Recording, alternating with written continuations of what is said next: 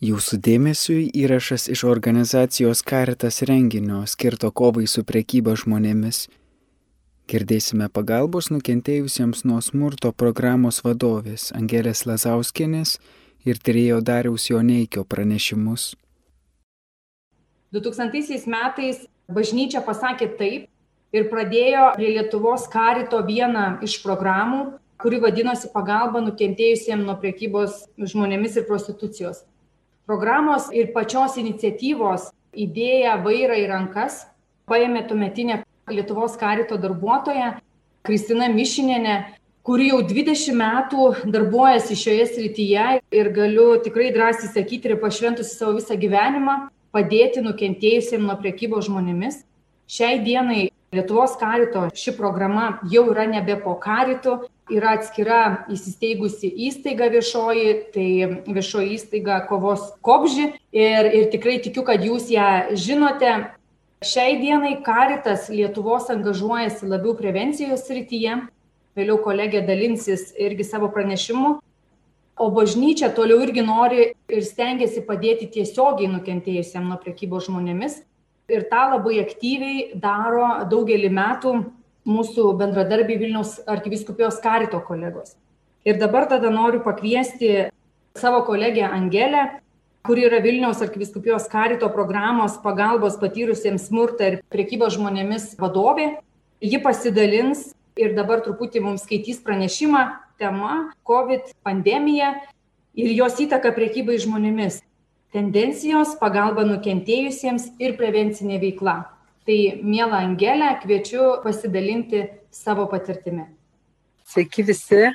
Aš galvoju, kad nuo 2014 metų mes veikiam pagalbos srityje, tai labai džiaugiuosi, kad galiu veikti toje srityje. Įdomus darbas ir kiekvieną dieną su naujais iššūkiais, tai tikrai yra ką veikti ir su kuo susidurti. Tai Dar galvoju, kad turbūt atliepsiu e, šiek tiek gerbamo sonatos pranešimo skaičiam ir statistikai ir nebesikartosiu ties tais dalykais. Tai galiu pasakyti, kad mūsų organizacijos skaičiai yra tokie, kad 2020 metais buvo suteikta pagalba 31 asmeniai nukentėjusiam nuo priekybos žmonėmis. Iš jų 22 yra nukentėję nuo priekybos žmonėmis, o 9 yra galimai nukentėję.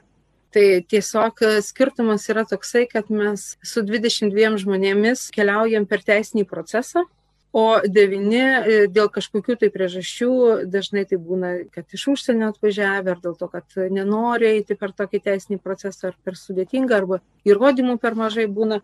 Reiškia, devyni žmonės, jiems yra teikiama pagalba kaip nukentėjusiems, tačiau neina per teisinį procesą. Kągi reiškia eiti per teisinį procesą mums kartu keliauti? Tai reiškia maždaug trijų metų draugystė su tai žmonėmis ir pagalba jiems. Susiformuoja tikrai pakankamai stiprus ryšiai per tris metus. Mes skaičiuojam panašiai, kad metus vyksta iki teisminis tyrimas, metus vyksta pirmos instancijos teisinis procesas ir dažniausiai beveik visi atvejai yra ypač šitos sudėtingos bylos būna, tai būna ir apeliacinis laikotarpis, kuomet kreipiamas į apeliacinį teismą, dažniausiai tai kreipiasi ir kaltinamieji, bandydami apsiginti ir dar vis kovoti. Kartais nukeliaujam netgi į konstitucinio teismo.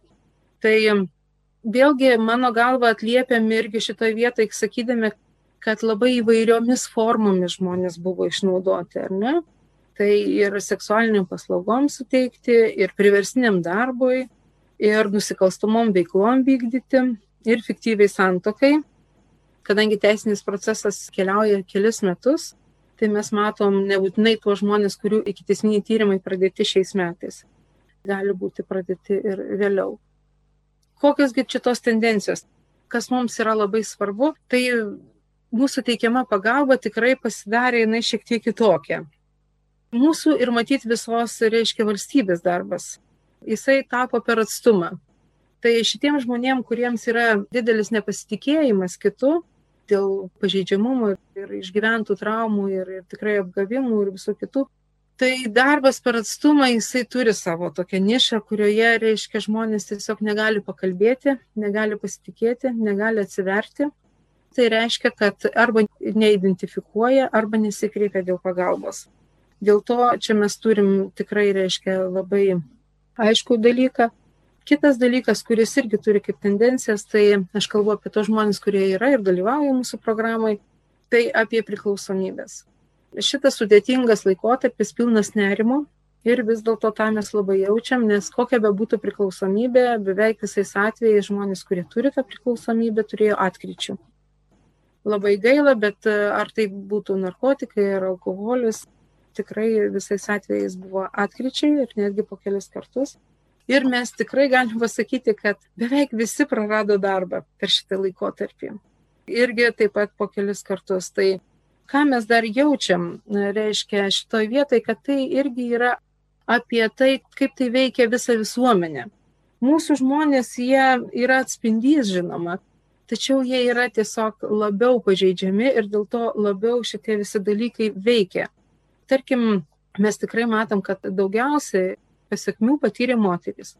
Nes moteris dirbo tose sferose, kuriuose iš tikrųjų ir buvo didžiausi atleidimai. Tai kavinės, paslaugų kiti sektoriai ir taip toliau. Tai mes tikrai labai jaučiam, kad tos moteris, kurios prarado, galima sakyti, kad ir negalėjo susigražinti darbo. Jeigu vyrai dar sugebėjo pakeisti, susirasti kitą vietą, tai moterų atveju yra taip. Mes tikrai kalbam apie nerimą ir depresyves mintis per šitą laikotarpį. Izolacija šitų žmonių, kurie ir taip neturėjo pakankamai stiprių ryšių, ar ne? Mes kalbam apie žmonės, kurie užaugo šeimoje, kur labai nestiprus ryšiai arba iš visų neturi, arba nutraukė per išnaudojimo laikotarpį, arba dėl kitų priežasčių. Tai dabartinėje situacijoje mes sakom, kad nu, vat, mes bendraujam su visais mūsų programos tais nariais, kuriems mes padedam Ir tai sako ne apie jų didesnį socialumą. Tai kartais daugiau sako apie tai, kad jie yra vieniši ir jie tiesiog ieško prieraišumo ir kontakto dėl to, kad jie yra vieniši. Taigi izolacija šitoje vietoje tikrai labai stipriai veikia. Ir mes kalbam apie jaunimo, tikrai nusivylimas didėja, galimybių mažėja, pagalbos galimybių taip pat mažėja, dėl to mūsų programos dalyviai Nėra taip, kad buvo tarp suicidinių, reiškia, atvejų, tačiau jų pažįstamai tikrai yra ir tą aš galiu irgi šiek tiek patvirtinti. Dabar, jeigu taip trumpai pasakyti, kaipgi atrodo tas mūsų darbas, nes galbūt e, iš tikrųjų tarptų daugybė žmonių, kurie yra prisijungę, yra tų, kuriems galbūt šiek tiek dar įdomu arba mažiau žino. Tai mūsų darbas tai yra teikti socialinę pagalbą, psichologinę pagalbą ir teisinę pagalbą. Apie tai, kaip jis pasikeitė per pandeminį laikotarpį, aš šiek tiek pasakysiu, tačiau nu, per keletą pavyzdžių norėčiau pasakyti, kodėl tokia pagalba reikalinga ir kaip čia viskas atsitinka. Mums kas yra labai svarbu, kad e, mes turim ministerijos tokias rekomendacijas, kurios sako, kad šitiems žmonėms, kaip nukentėjusiems nuo nusikaltimų, mes kalbam apie žmonės nukentėjusius nusikaltimų ir šito atveju sunkių nusikaltimų reikalinga tokia pagalba. Taigi, kuomet žmogus yra nukentėjęs, policijos pareigūnai turi galimybę su žmogaus sutikimu suteikti informaciją apie pagalbą jiems. Ir tokiu atveju gali žmonės gauti mūsų telefoną arba prieš prekybą žmonėmis asociacijos kitų narių telefoną, kurie veikia visoje Lietuvoje, ir gauti pagalbą tokiu atveju mes susidurėm su žmonėmis, kurie, na, tarkim, jaunuolis, kuris šiuo metu yra išnaudojamas nusikaltimams vykdyti, tai jisai užaugęs yra aštuonių vaikų šeimoje ir abu tėvai yra tikrai girtaujantis, niekaip negali sustoti, vaikai kaip galėjo, taip užaugo. Tai tuo metu, kai užsienyje jis buvo išnaudojamas, mama jo neieškojo metus. Pusę metų nebuvo nei vieno skambučio. Tai šitiem žmonėm tikrai reikalinga ir socialinė pagalba. Jeigu jau tokie ryšiai ir visa pagalba, kodėl tas jaunuolis, reiškia, nesikreipė, jis man sakė, tai dėl to, kad mama vis tiek nieko negalėtų padaryti. Jisai va, turėtų pats vienas iš tos situacijos išsikapstyti. Jis buvo išnaudojamas kontrabandos nusikaltimuose. Ir buvo taip, kad kai grįžo, neturėjo nei kur gyventi, negalima buvo gyventi kartu su tėvais dėl to, kad jie labai stipriai gėrė. Taigi, tokiais atvejais socialinė pagalba yra reikalinga, atstatant kažkokius ryšius, kurie yra teigiami ir surandant gyvenamąją vietą, pasirūpinant, kad žmogus galėtų tuo metu valgyti, tuo metu susitvarkyti dokumentus, tuo metu iš tikrųjų turėtų komunikacijos priemonę ir sekantis etapas, kai jau yra pasirūpinama tai tokia kasdieninė rutina, kitas dalykas tai yra patirtos traumos ir išgyvenimai. Jeigu mes kalbam apie kitus atvejus, tarkim, jeigu tai yra išnaudojimas prostitucijoje, dažnai tai būna grupiniai išprievartavimai, pavyzdžiui, kad būtų palaužiama žmogaus valia, jeigu mes kalbam apie vyrus ir ne tik vyrus, bet ir moteris, tai yra grasinimai ginklu. Jeigu kalbam apie vyrus, dažniausiai būna labai stiprus fizinis skausmo sukelimas, tai mes kalbam tuomet, kad tikrai reikalinga psichologinė pagalba, ir tokią šitie žmonės galėtų gauti, tačiau tam, kad jie galėtų pasinaudoti psichologinę pagalbą, visą laiką reikia atsiminti, kad turi subūti su tuo žmogum sunkia minutė, kad jisai tavim pasitikėtų ir kad kreiptųsi į tave pagalbos tada, kai jos jam reikia. Kitas dalykas, kuris irgi yra labai svarbus, tai yra teisinė pagalba. Tai ne tik konsultacijos, tačiau teisinė pagalba yra atstovavimas šitose bylose. Daugumą atveju mes gebam ir turim galimybės, kad būtų advokatas, kuris atstovauja. Tai kartais tai būna valstybės skiriamas advokatas, kitais atvejais tai yra samdomas advokatas. Kasgi čia būna ypatingo šito atveju ir kitaip? Tai, kad šitie žmonės, pirmas dalykas, jie sunkiai užmesga kontaktą. Antras dalykas, jie sunkiai pasakoja apie patirtas traumas ir tikrai reikia daugiau laiko, negu skiria valstybinė, tarkim, pagalba, ta, kurie yra apmokama advokatams, tam, kad su tuo žmogum surasti ryšį ir su juo susikalbėti, apie kągi čia yra ta byla, kaip jisai jaučiasi ir kokie čia yra dalykai tam, kad byla būtų teigiama. Mes laikom, kad teisinė pagalba yra nepaprastai reikalinga. Dėl to, kad mano supratimu žmogus sveiksta tuo met, kai vyksta teisinis procesas. Aš labai palaikau, dėl to, kad žmonės kartais net nežino, kokie nusikaltimai buvo reksti, kaip jie buvo reksti. Žmonės kaltina save, jie galvoja, kad tai yra dėl jų kalties, dėl jų negudrumo galbūt, arba dėl kitų kažkokių priežasčių tie nusikaltimai yra padaryti. Tačiau teismo nagrinėjimo eigoje pasimato iš tikrųjų, kaip tai yra užsuktas mechanizmas, atidirbti metodai, kuriais naudojasi ir, naudojami po kelis kartus vis iš naujo reiškia jie atidirbti, taip sakyt, mes kai kalbam apie organizuotą nusikalstamumą. Tai šituo atveju žmonės, pamatydami tą tokią neteisybę, nustoja save kaltinti ir jie labai aiškiai tada geba atsirinkti, kad jis yra nukentėjusysis, o kitas žmogus tai yra tas žmogus, kuris padaręs prieš jį nusikaltimą. Tai tada greičiau atsistoja tas suvokimas ir šitie žmonės, kurie nukentėjo nuo sunkių nusikaltimų, daugumą atveju iš tiesų nori teisingumo teisingumo jausmas niekad nepalieka, tarsi atrodo praėjo ir metai, ir keli, tačiau žmogus šneka apie teisingumo jausmą ir tai yra labai svarbu. Ir jau vėliau mes galim kalbėti apie atleidimą savo dėl to, kaip čia jau taip atsitiko, arba atleidimą kitam. Taigi teisinėje pagalboje yra ne tik tai atstovavimo, bet ir emocinės paramos dar momentas. Tas yra tikrai labai svarbu, kadangi jeigu mes kalbam, ta, tarkim, standartiškai, pavyzdžiui, mergina, ta pati mergina, apie kurią aš kalbėjau, kad jos buvo valia buvo palaužta grupinio išprievartavimo būdu. Tai buvo penki, e, reiškia, nusikaltėliai vyrai ir viena moteris.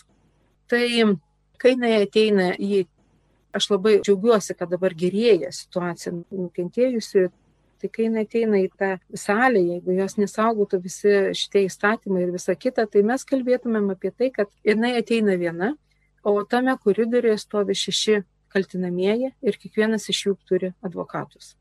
Ir aišku, jie jaučia didesnį palaikymą ir stiprybę. Taip kad atstovėti tam žmogui ir tom jėgom, organizuotų nusikalstamų jėgom nėra taip jau labai paprasta. Iš tikrųjų, žmogus dažnai lieka vienas ir sakau, kad sunkia minutė pabūti reikia su žmogum ir kartais net netiek daug šnekėti, kiek tiesiog pabūti. Dabartinė situacija yra jau yra pakitusi, beveik visais atvejais mes jau dabar retai susidurėm su tuo, kad esam vienam koridoriui. Dabar mes kalbam apie tai, kad nukentėjusiai gali ateiti ir laukti teismo iš kitos pusės tų salių, kad galima teikti emocinę paramą, tai yra pabūti su žmogum tuo metu, kai jisai duoda parodymus, kad jis nebūtų vienas. Dar noriu pasakyti, kad apklausa yra įrašoma iš atskiro to kabineto. Ir šitie visi dalykai, jie tikrai keičiasi ir mes džiaugiamės, kad jie keičiasi ir aš tikiuosi, kad ateityje pasikeis ir, ir visų kitų nusikaltimų aukoms. Tai aš tiesiog pakalbėjau apie tuos tris pagrindinius dalykus, kaip mes pasikeitėm per šitą pandeminį laikotarpį. Izolacija yra tokia, kad jinai jaučiasi ir darbe, kadangi mes iš esmės tai negalim susitikti su žmonėm, o jiems būtinai reikia individualaus susitikimo, nes galbūt tai mes esame tie darbuotojai, tie vieninteliai žmonės, su kuriais jis iš tikrųjų gali apie tai kalbėti.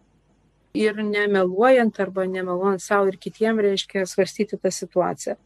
Tai mūsų susitikimai yra reguliarūs, mes susitinkam kartą per savaitę, mes tengiamės juos turėti dviejopus, tai išlaikyti susitikimą Mūsų stikimas yra e, laukia, mes dažnai nuvežam produktus, nes skurdą mes jaučiam padidėjusi, tai tikrai yra labai svarbu. Ir toje vietoje būna susitikimas, konsultacijos ir sustikimo trukmėme pribojama maždaug 15 minučių, kitos konsultacijos yra nuotolinės. Tai mes irgi su tuo susidurim, iš to gyvenam. Sakau vėlgi, kad e, priraišumas žmonių tikrai yra padėjęs, tikrai žmonės nenori likti vieni šitoj situacijoje tikrai ką mes pajutom, kad reikalinga žmonėm pagalba. Pagalba tiesiog maisto produktais ir netgi susidurėm su tokio tarpininkavimo labai stipriu. Dauguma šitų žmonių neturi, pavyzdžiui, telefonų, neturi socialinių įgūdžių užsiregistruoti arba gauti tas bendrasias paslaugas. Tai čia be tokio socialinio darbuotojų tarpininkavimo tikrai yra labai sudėtinga. Ir šitoj vietoje yra šiokių tokių iššūkių, kadangi tikrai yra duomenų apsaugos įstatymai ir kiti įstatymai, jie turi tokioje savyje, kad sunku žmonėms, reiškia, be kontakto parašyti laišką, paprašyti tam tikrų dalykų. Sunku pakliūti, gydytis nuo priklausomybės. Tam tikrų metų netgi buvo uždaryta. Sunku gauti sveikatos pagalbą. Sunku psichologinę pagalbą gauti, kadangi konsultacijos yra nuotolinės, o kokybiškai pagalba tai nėra pats tinkamiausias atvejis. Tai štai tokie trumpai labai tikrai nenorėdama užkliūti, šiaip trumpai tikrai norėčiau pasakyti, kad mes gyvuojame, esam ir šitos programos tikrai yra labai reikalingos.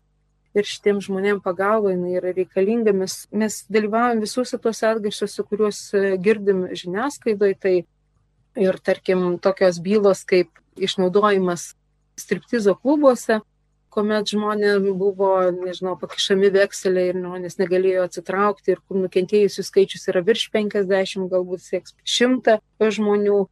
Tada mes kalbam apie tarptautinės, tas policijos darytas tyrimus ir kuriuose buvo 15 įtariamųjų, pavyzdžiui, suimta. Tai žmonės, kurie nukentėjo, dažniausiai buvo Baltarusijos, Rusijos arba Bulgarijos pilietės. Tai Tokiais atvejais tikrai žmonėm yra labai sunku, kadangi grįžti į tą vietą, kur buvo naudojamas smurtas prieš jas, yra baisu ir, ir išvykti negali dėl to, kad ir asmens dokumentai būna bent jau laikinai yra sulaikomi ir apklausos yra nepabaigtos, tai toks žmogus atsiranda tiesiog gatvėje, tai džiaugiamės, kad tikrai gali gauti mūsų telefoną ir kreiptis į tokias organizacijas pagalbos šalia emocinės paramos yra tikrai, kad tą dieną reikia tiesiog išgyventi. Tai kad ir kaip ten metai keičiasi, iš tikrųjų, aštuoni metai veikiam, bet kai mes kalbam, man atrodo, kad kai kurie dalykai tiesiog nesikeičia. Aš kažkada kalbėdavau apie fiktyvę santoką ir sakydavau, kad e, dalis žmonių, verbuotojai, kurie verbuoja, pavyzdžiui, fiktyvioje santokai, yra šeimos nariai. Tai šių metų reiškia viena iš naujų bylų tikrai žmogus parduodamas fiktyviai santokai šeimos narių. Tai mes grįžtam prie tų pačių dalykų ir nusikaltimai šitoj vietoj, na, sakyčiau, mažai keičiasi. Tai tiek turbūt tikrai dalyvaučiau diskusijoje, jeigu turėtumėt klausimų, tai ačiū labai. Ačiū, mėla Angelė, už šiltą, jautrų pasidalinimą apie praktiką, kurioje esi jau, kaip pati minėjai, nuo 2014 metų. Komentaruose yra viena moteris, kuri dalinasi, kad norėtų su pačia pabendrauti asmeniškai, kai mes nurodysim pačios kontaktus. Na, Angelės pasidalinimas priminė ir man mano susitikimą su šia tema, nes prieš daugiau nei dešimt metų tai aš atėjau darbuotis į karito organizaciją ir atėjau būtent į programą, kurios vadovė kai programa buvo prie Lietuvos karito, buvo Kristina Mišininė, apie kurią jau minėjau prieš tai. Ir atėjau būtent į šią programą ir buvau atsakinga už savanorių žmonės, kurie nori prisidėti, prisiliečiau ir prie prevencijos ir stebėjau komandą, dirbančią tiesiogiai, padedančią ir teikiančią įvairią pagalbą tiek nuteistiesiems, tiek jų artimiesiems, tai ir socialinė, ir psichologinė, ir teisinė, ką Angelė minėjo.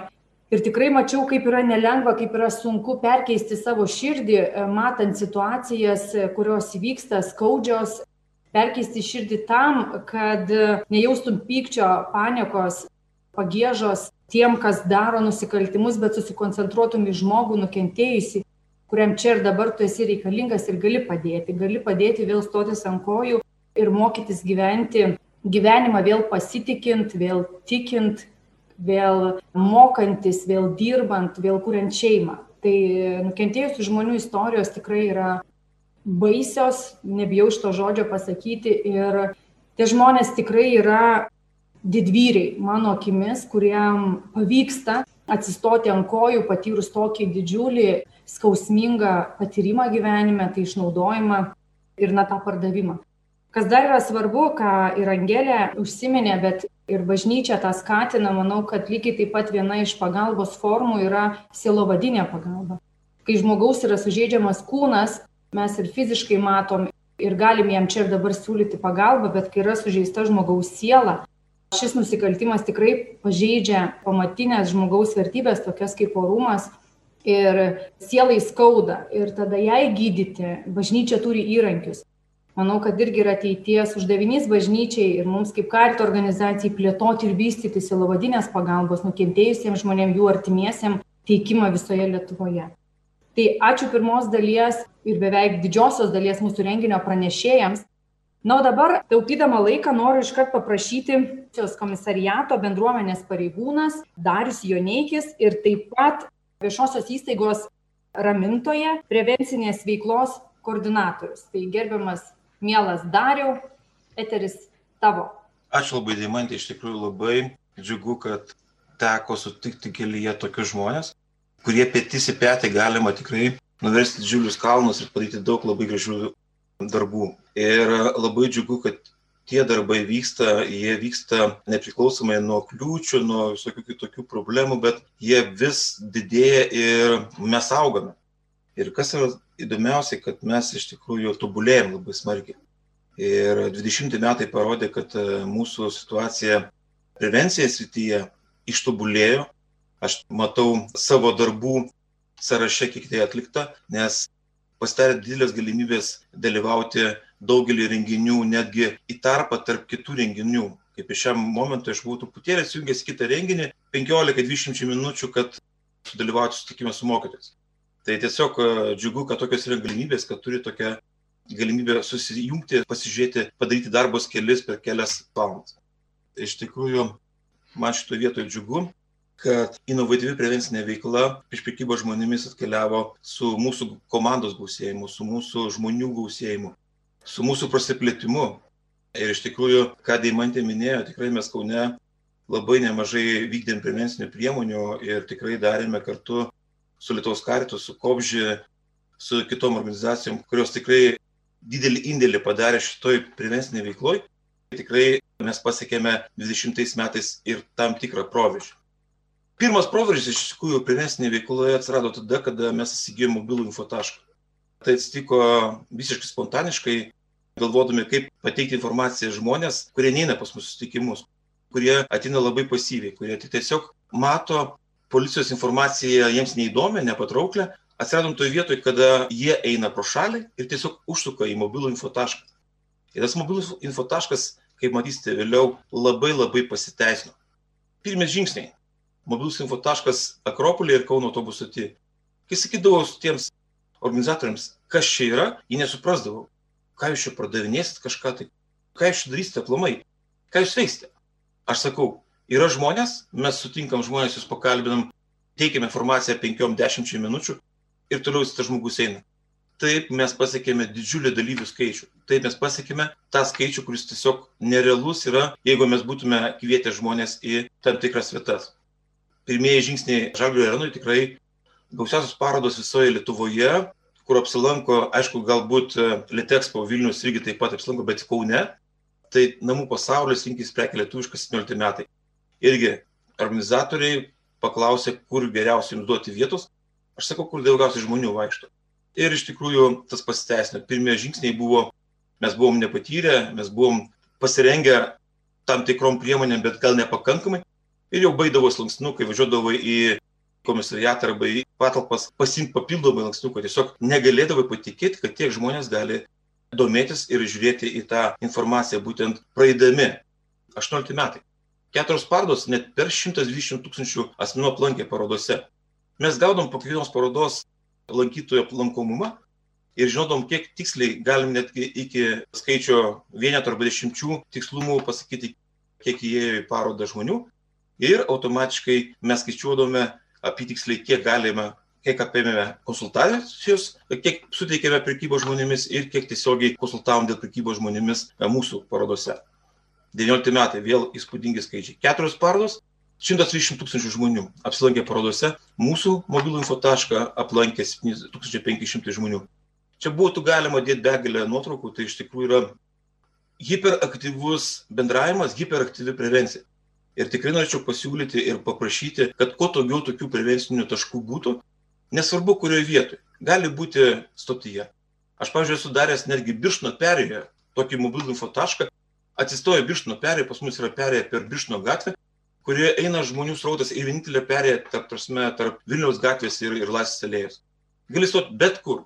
Aišku, ten yra tik kiti niuansai. Tai va, tai tiesiog ten atsirandam, kur yra žmonės. Labai svarbi vieta yra užimtumo tarnyba.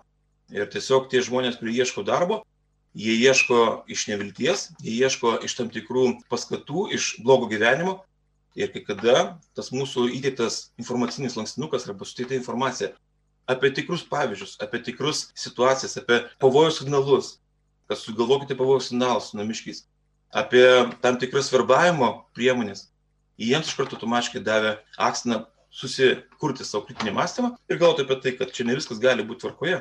Galbūt aš negausiu mažiau apmokamo darbo, galbūt aš gausiu didesnį, bet jis pavojingesnis bus. Ir tas stabilumas, ieškant darbo, tas ieškojimas tinkamo darbo, mūsų misija buvo būtent užimtumo tarnyba. Viešo erdvė, Rotušės aikštė, mobilus info taškas, tiesiog šnekėtis su praeiviais, čia aišku užsieniečių grupė, čia buvo tokia mini diskusija apie tai, kokia yra situacija prekybo žmonėmis būtent jų šalise. Ir daugelis žmonių iš tikrųjų apie tai arba nežinojo, arba galvojo, kad tai nėra problema. Ir mūsų susitikimai buvo organizuojami gyvai kol mes galėjome gyvai kalbėti, tai būdavo vienas žmogus, vienas kontaktinis asmuo ir kalba apie tai, kas yra prekyba žmonėmis, kokie yra pavojai, bet tai reikalingos didelios sąnaudos ir dideli kaštai. Prasidėjus pandemijai atsivėrė kaip Pandoros skrinė. Iš tikrųjų, mūsų priemonės persikėlė į kitą erdvę, į kitą virtualią erdvę, kurioje tu gali skleisti informaciją visiškai kitaip. Gali pasinaudoti bet kurią iš šitų pateiktų socialinių tinklų arba programėlių ir bendrauti grupėse, gali bendrauti, skleisti informaciją tiksliniai grupiai, tiesiog daryti tam tikrus renginius tam tikrom temom. Ir vat, ateities švietimas. Ačiū labai Vaida, kad mane pakvietė iš tikrųjų su Jėva, Čekolytė iš Ispanijos lietuvių bendruomenės. Įsivaizduokit, Ispanijos lietuvių bendruomenės atstovė kartu su manim Vaidos iniciatyva organizuojame susitikime su moksleiviais pristatėme prekybos žmonėmis problemą arba pristatėme prekybos žmonėmis programėlę raktas. Tai iš tikrųjų unikalu. Nereikia važiuoti, nereikia atvykti, nereikia būti šalia, tu turi galimybę tą pademonstruoti įvairiose geografinėse padėtyse. Ir čia gimė idėja. Ačiū labai Algirdai Toliatai jums už tą iniciatyvą. Tikrai čia yra kunigo Algirdo Toliato iniciatyva. Tai yra mintis išsakyta kažkuriam tai susirinkime. Buvo ir sonata, buvo nežinau dar kažkas tai, kad reikalingas kažkoks tai bendarbiavimo tinklas tarp žmonių, kurie galėtų apsikeisti informaciją, būtų labiau paruošiami, būtų labiau įsigilinę tą problemą. Praeitų metų, birželio 20 dieną, gimė tokia idėja, kad sukuria iš 25 Lietuvos policijos bendruomenės pareigūnų tokį neformalų bendradarbiavimo tinklą. Vyko tam tikra atranka, iš apskrityse esančių pareigūnų buvo atrinkti 2-3 pareigūnai, kurie galėtų pretenduoti tos ambasadorius ir 30 dieną buvo sugalvotas tokios kūrybinės dirbtuvės, kad sukviesti visus šitos ambasadorius ir sukviesti būtent į vieną vietą ir susipažinti. Ir tose kūrybinės dirbtuvės tikrai dalyvavo nemažai nacionalinės asociacijos prieš prekybą žmonėmis atstovai ir kiti socialiniai partijai, kurie mums padėjo tas dirbtuvės atlikti. Kas dar įdomiausiai, po šitų neformalų bendravimo tinklo atsiradimo Lietuvos pareigūnų, toks pat tinklas atsirado ir užsienio lietuvių bendruomenės narių. Lietuvių bendruomenės užsienyje sukūrė tokį pat neformalų bendradarbiavimo tinklą. Tiesiog messenger grupė susikūrė žmonių grupelę, kuri dalinasi informaciją. Mūsų priglaudė Šventos mergelės Marijos Ramintojos bažnyčia, globoja kapelionas kunigas Algės Toliatas ir aš kol kas koordinuoju šitą veiklą neoficialiai, neformaliai, savanoriškais pagrindais. Visi šitie pareigūnai vyksta į tokius renginius savanoriškais pagrindais, jie už papildomą darbą negauna jokio atlygio. Ir aišku, mes manome, kad tai yra gili ir prasminga paspirtis, tiesiog e, neformalus bendravimas, kūrimas tam tikros e, metodinės rekomendacijos, kurią vėliau pristatysiu. Iš tikrųjų, puikus kūrybinės dirbtuvės, kurios atlikomos buvo gyvai, kurios buvo tarp pandeminės, kurios jau galėjome rinktis ir galėjome susitikti. Ir vat mūsų komanda, mes komanda, mes sumetam rankas ir tikrai sukūrėm tam tikrą tokį tinklą, kurio galima didžiuotis ir šiai dienai pasakyti, kai jisai veikia. Ir šito tinklo pasiekoje ir viso kitų bendradarbiavimo pasiekoje gimsta performances. Spalio 16 dieną kartu su visais, visais socialiniais partneriais nacionalinės asociacijos prieš prekybos žmonėmis nariais, Vilniaus karitų, Kopžė, Lietuvos karitų, dingusių asmenų asociacijai, Alytaus, Kauno vyrų krizių centrai ir visi kiti dalykai, kurie iš tikrųjų ir, ta prasme, Klaipėdos visa komanda su Dalė Puidukienė priešakie ir Eglė jie atskaitė. Tiesiog nebeišvardinsiu iš visų, bet aš dar tokio susibendrinimo, susitelkimo dar nebuvau matęs. Mes keletą metų iš eilės tikrai buvome pasirengę tam tikrą performansą Kaune, bet kad būtų penkiose mietuose, aš tikrai negalvoju. Negalvoju, kad tai bus. Tai yra iš tikrųjų pirmas mūsų performansas. Tai 18 metais buvo Kaune, Mykolo Riomerio universiteto studentus, paprašiau juos instaliuoti tam tikrą prekybos žmonėmis instaliaciją sukurti.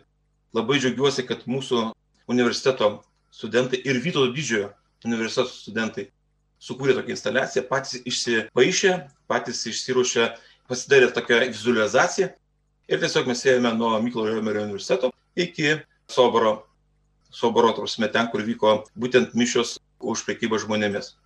Čia mišių akimirkos, labai krupus vaizdas, iš tikrųjų žmonės, kai kurie atsisūdavo ir žiūrėdavo į tą vaizdą tikrai nesigirėdami, o tiesiog šlikštėdamėsi. Arba vienu momentu vos vienas vyriškis pagyvenęs vos nepradėjo gelbėti merginų, norėdamas išlaisvinti jas iš tos vergystės. Ačiū labai už pakvietimą, ačiū labai už tokį renginį, ačiū labai Dimantė, Vaidas, super iššaunolės. Įrašas iš organizacijos Karitas renginio skirto kovai su prekyba žmonėmis kalbėjo pagalbos nukentėjusiems nuo smurto programos vadovė Angelė Lazauskienė ir tyrėjas Darius Joneikis.